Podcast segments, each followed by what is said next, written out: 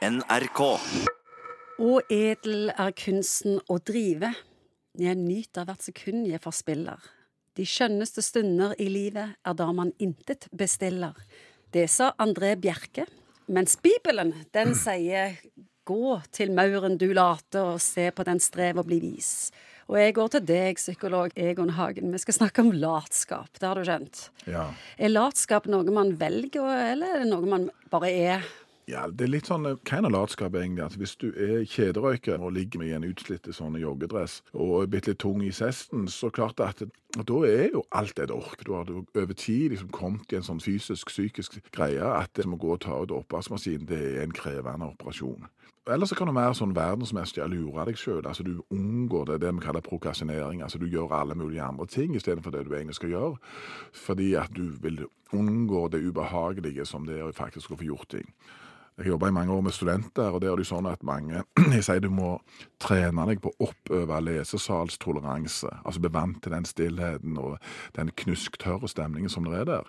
Og det er lurt å gjøre det, for hvis noen prøver å være hjemme, for det er så koselig hjemme, du kan gå rundt i, i og Men da er det mange distraksjoner. Altså du kan begynne plutselig bli veldig interessert i å ta ut oppvaskmaskinen, for du slipper å lese. Eller det er bare en serie som du bare må sette. Så det er mange måter denne latskapen kan ikle seg. Eh, ja, ulike uttrykk. da. Når er latskap sykelig?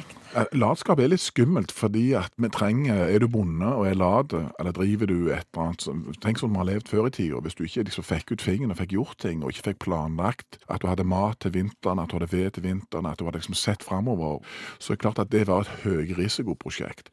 Og Derfor er det nok òg at de fleste av oss opplever at latskap er en negativ egenskap. Er det et symptom? Altså, når, når er latskapen noe medisinsk? Ja, altså latskapen, hvis du ikke får gjort det du egentlig skal gjøre, og livet ditt ikke ser ut sånn som du hadde tenkt det skulle se ut Altså Det å oppnå noe som er verdifullt, krever jo ofte en innsats.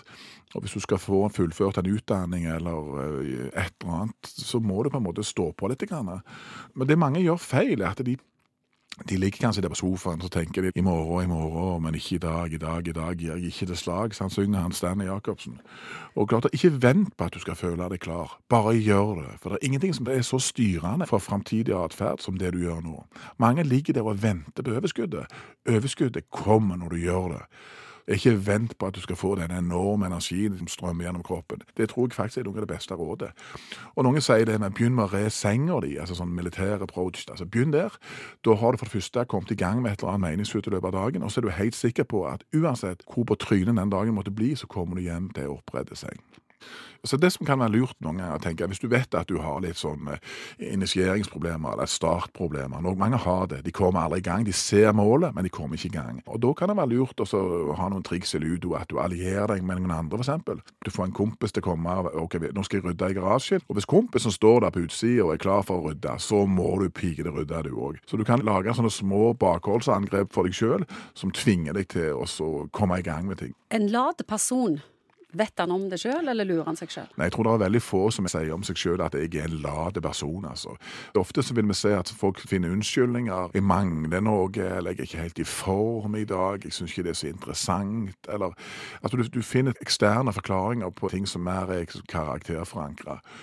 Og det som noen ganger kan være litt OK, og må være litt sånn tøff med deg sjøl. Altså sånn, kom igjen, liksom. Litt hvite knoker og stå på. Kan ikke kose og prate med seg sjøl hele tida. Kom igjen, Seiler, få ut fingeren.